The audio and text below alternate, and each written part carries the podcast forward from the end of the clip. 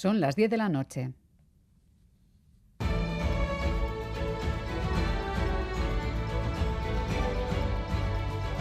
Radio Euskadi y Radio Vitoria. Servicios informativos. Repasamos los titulares de la jornada con Amaya Zabala. Gabón Amaya. Gabón Miriam, noticias de este jueves 20 de abril en el que comenzamos mirando hacia Irún. Siguen las investigaciones para aclarar la muerte de dos hombres esta mañana en el barrio de Olavarría. Se trata de dos varones de 53 y 47 años, socios de un negocio de aparcamiento para autocaravanas. Al parecer, tras una discusión, uno de ellos ha disparado al otro y luego se ha suicidado. El suceso ha consternado a todos los vecinos de la ciudad. José Antonio Santano, alcalde de Irún. Estamos todos a la espera de la investigación policial, de lo que nos diga la chanza. Yo en este momento solo tengo pensamiento y palabras para dos familias destrozadas, a las que les doy todo mi ánimo y les envío un fortísimo abrazo en nombre de toda la ciudad.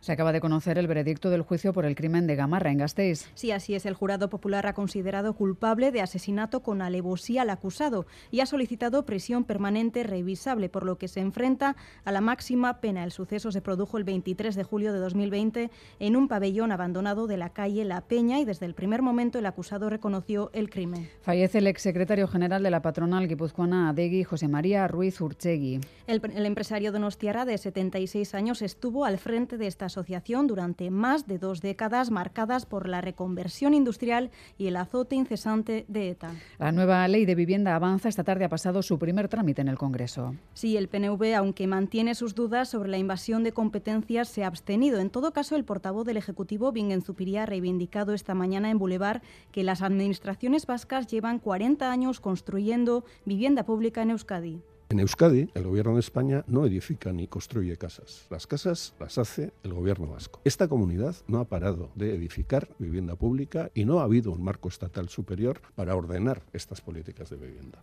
Y la portavoz del gobierno español le ha respondido que sí, que es cierto, pero que en estos 40 años no se ha garantizado la vivienda como un derecho y que quien tiene la competencia es lo de menos.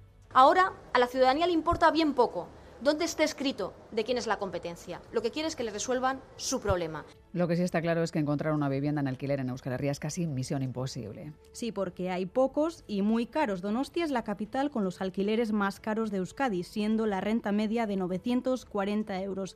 Algo parecido ocurre en Bilbao, donde para pagar menos de 1.000 euros también hay que irse a la periferia. En Gasteiz, el precio medio se sitúa en torno a los 850 euros y el problema es que hay poca oferta y mucha demanda. En la comarca de Pamplona, el alquiler ha subido un 7,8% el último año y un piso estándar a 20 minutos del centro cuesta una media de 700 euros, por lo que los jóvenes y no tan jóvenes en Euskal Herria no tienen más remedio que compartir piso. José Luis Polo, presidente del Colegio de Agentes de la Propiedad de Guipúzcoa. Los jóvenes muchas veces compartiendo vivienda, es imposible acceder a una vivienda eso yo creo que todavía no han conseguido emanciparse ni de sus padres ni de sus amigos.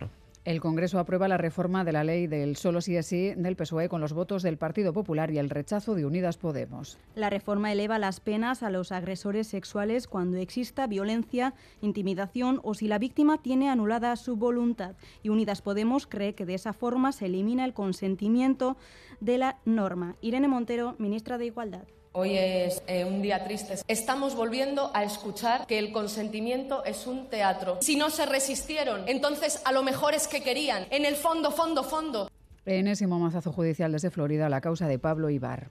El Tribunal de Apelaciones ha desestimado el recurso de la defensa que solicitaba recobar, revocar la cadena perpetua y pedía un nuevo juicio, además casi sin argumentar la decisión. Sin duda ha sido un golpe muy duro. Teníamos buenas expectativas vistas las preguntas que hicieron los jueces en la vista oral. ¿No piensa usted que debería eh, esa camiseta estar absolutamente pringadísima del ADN de Pablo? Y de ahí que el, que el chasco haya sido monumental. Ahora solicitarán una nueva vista para exigir la argumentación a esta última decisión y un nuevo recurso ante el Tribunal Supremo de Florida. Es todo, así terminamos. Más noticias en una hora y en todo momento en itv.eus y en aplicación ITV Albisteac. Gero arte.